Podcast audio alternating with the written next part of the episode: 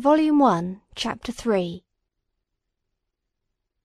From this day, natural philosophy, and particularly chemistry, in the most comprehensive sense of the term, became nearly my sole occupation.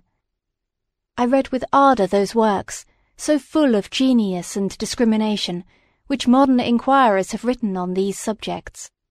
I attended the lectures, and cultivated the acquaintance of the men of science of the university, and I found even in Monsieur Krempe a great deal of sound sense and real information, combined, it is true, with a repulsive physiognomy and manners, but not on that account the less valuable. In Monsieur Waldman I found a true friend. His gentleness was never tinged by dogmatism, and his instructions were given with an air of frankness and good nature that banished every idea of pedantry. It was, perhaps, the amiable character of this man that inclined me more to that branch of natural philosophy which he professed, than an intrinsic love for the science itself. But this state of mind had place only in the first steps towards knowledge. The more fully I entered into the science, the more exclusively I pursued it for its own sake.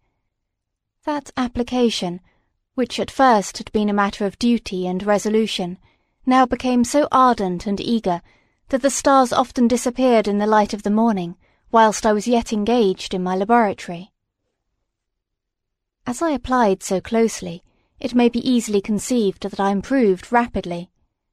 My ardour was indeed the astonishment of the students, and my proficiency that of the masters. Professor Krempe often asked me, with a sly smile, how Cornelius Agrippa went on, whilst Monsieur Waldman expressed the most heartfelt exultation in my progress. Two years passed in this manner, during which I paid no visit to Geneva, but was engaged heart and soul in the pursuit of some discoveries which I hoped to make. None but those who have experienced them can conceive of the enticements of science. In other studies you go as far as others have gone before you, and there is nothing more to know but in a scientific pursuit there is continual food for discovery and wonder. A mind of moderate capacity, which closely pursues one study, must infallibly arrive at great proficiency in that study, and I, who continually sought the attainment of one object of pursuit, and was solely wrapped up in this, improved so rapidly that, at the end of two years, I made some discoveries in the improvement of some chemical instruments which procured me great esteem and admiration at the university. When I had arrived at this point, and had become as well acquainted with the theory and practice of natural philosophy as depended on the lessons of any of the professors at Ingolstadt, my residence there being no longer conducive to my improvements, I thought of returning to my friends and my native town, when an incident happened that protracted my stay. One of the phenomena which had peculiarly attracted my attention was the structure of the human frame, and indeed any animal endued with life. Whence, I often asked myself, did the principle of life proceed? It was a bold question, and one which has ever been considered as a mystery. Yet with how many things are we on the brink of becoming acquainted, if cowardice or carelessness did not restrain our inquiries. I revolved these circumstances in my mind, and determined thenceforth to apply myself more particularly to those branches of natural philosophy which relate to physiology. Unless I had been animated by an almost supernatural enthusiasm, my application to this study would have been irksome and almost intolerable. To examine the causes of life, we must first have recourse to death. I became acquainted with the science of anatomy, but this was not sufficient I must also observe the natural decay and corruption of the human body. In my education, my father had taken the greatest precautions that my mind should be impressed with no supernatural horrors. I do not ever remember to have trembled at a tale of superstition, or to have feared the apparition of a spirit. Darkness had no effect upon my fancy, and a churchyard was to me merely the receptacle of bodies deprived of life, which, from being the seat of beauty and strength, had become food for the worm. Now I was led to examine the cause and progress of this decay, and forced to spend days and nights in vaults and charnel houses. My attention was fixed upon every object the most insupportable to the delicacy of the human feelings. I saw how the fine form of man was degraded and wasted. I beheld the corruption of death succeed to the blooming cheek of life. I saw how the worm inherited the wonders of the eye and brain. I paused, examining and analysing all the minutiae of causation, as exemplified in the change from life to death, and death to life, until from the midst of this darkness a sudden light broke in upon me, a light so brilliant and wondrous, yet so simple, that while I became dizzy with the immensity of the prospect which it illustrated, I was surprised that among so many men of genius who had directed their inquiries towards the same science, that I alone should be reserved to discover so astonishing a secret. Remember, I am not recording the vision of a madman. The sun does not more certainly shine in the heavens than that which I now affirm is true. Some miracle might have produced it, yet the stages of the discovery were distinct and probable. After days and nights of incredible labour and fatigue, I succeeded in discovering the cause of generation and life. Nay, more, I became myself capable of bestowing animation upon lifeless matter. The astonishment which I had at first experienced on this discovery soon gave way to delight and rapture. After so much time spent in painful labour, to arrive at once at the summit of my desires was the most gratifying consummation of my toils. But this discovery was so great and overwhelming that all the steps by which I had been progressively led to it were obliterated, and I beheld only the result. What had been the study and desire of the wisest men since the creation of the world was now within my grasp. Not that, like a magic scene, it all opened upon me at once, the information I had obtained was of a nature rather to direct my endeavours so soon as I should point them towards the object of my search, than to exhibit that object already accomplished. I was like the Arabian who had been buried with the dead, and found a passage to life aided only by one glimmering, and seemingly ineffectual light. I see by your eagerness, and the wonder and hope which your eyes express, my friend, that you expect to be informed of the secret with which I am acquainted. That cannot be. Listen patiently until the end of my story, and you will easily perceive why I am reserved upon that subject. I will not lead you on, unguarded and ardent as I was then, to your destruction and infallible misery. Learn from me, if not by my precepts, at least by my example, how dangerous is the acquirement of knowledge, and how much happier that man is who believes his native town to be the world, than he who aspires to become greater than his nature will allow. When I found so astonishing a power placed within my hands, I hesitated a long time concerning the manner in which I should employ it. Although I possessed the capacity of bestowing animation, yet to prepare a frame for the reception of it with all its intricacies of fibres, muscles, and veins, still remained a work of inconceivable difficulty and labour. I doubted at first whether I should attempt the creation of a being like myself, or one of simpler organisation.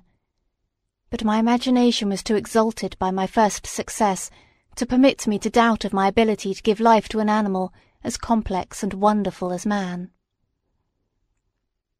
The materials at present within my command hardly appeared adequate to so arduous an undertaking, but I doubted not that I should ultimately succeed. I prepared myself for a multitude of reverses. My operations might be incessantly baffled, and at last my work be imperfect. Yet, when I considered the improvement which every day takes place in science and mechanics, I was encouraged to hope my present attempts would at least lay the foundations of future success nor could I consider the magnitude and complexity of my plan as any argument of its impracticability. It was with these feelings that I began the creation of a human being. As the minuteness of the parts formed a great hindrance to my speed, I resolved, contrary to my first intention, to make the being of a gigantic stature, that is to say, about eight feet in height, and proportionably large. Having formed this determination, and having spent some months in successfully collecting and arranging my materials, I began. No one can conceive the variety of feelings which bore me onwards, like a hurricane, in the first enthusiasm of success. Life and death appeared to me ideal bounds, which I should first break through, and pour a torrent of light into our dark world. A new species would bless me as its creator and source. Many happy and excellent natures would owe their being to me. No father could claim the gratitude of his child so completely as I should deserve theirs. Pursuing these reflections, I thought that if I could bestow animation upon lifeless matter, I might, in process of time, although I now found it impossible, renew life where death had apparently devoted the body to corruption. These thoughts supported my spirits while I pursued my undertaking with unremitting ardour. My cheek had grown pale with study, and my person had become emaciated with confinement. Sometimes, on the very brink of certainty, I failed. Yet still I clung to the hope which the next day or the next hour might realize. One secret which I alone possessed was the hope to which I had dedicated myself, and the moon gazed on my midnight labours, while, with unrelaxed and breathless eagerness, I pursued nature to her hiding places. Who shall conceive the horrors of my secret toil, as I dabbled among the unhallowed damps of the grave, or tortured the living animal to animate the lifeless clay? My limbs now tremble, and my eyes swim with the remembrance. But then a resistless and almost frantic impulse urged me forward. I seemed to have lost all soul or sensation, but for this one pursuit.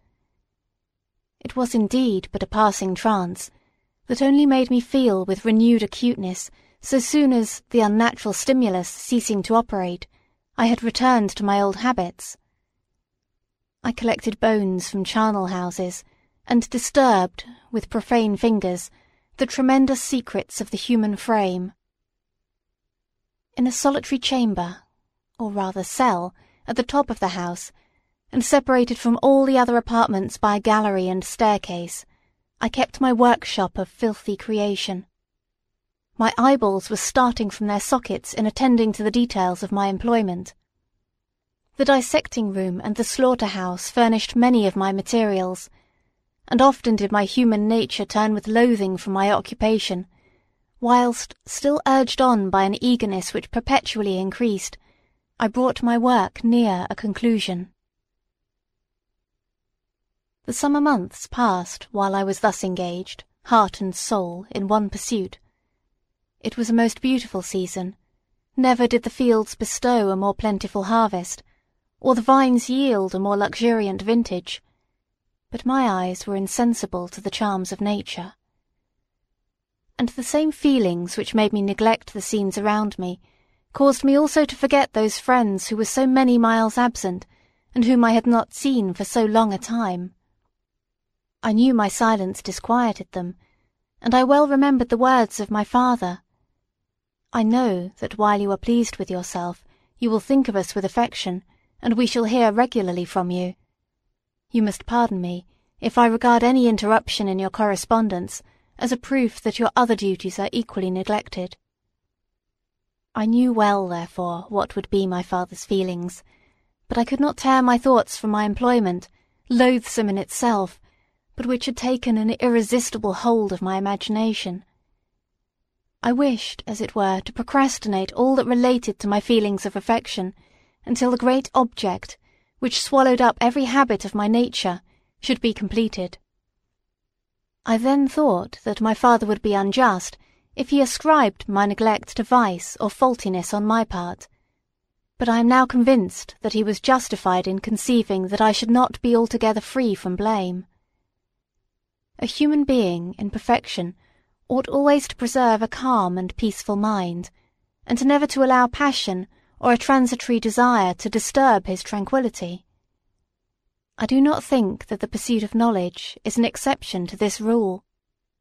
If the study to which you apply yourself has a tendency to weaken your affections, and to destroy your taste for those simple pleasures in which no alloy can possibly mix, then that study is certainly unlawful, that is to say, not befitting the human mind.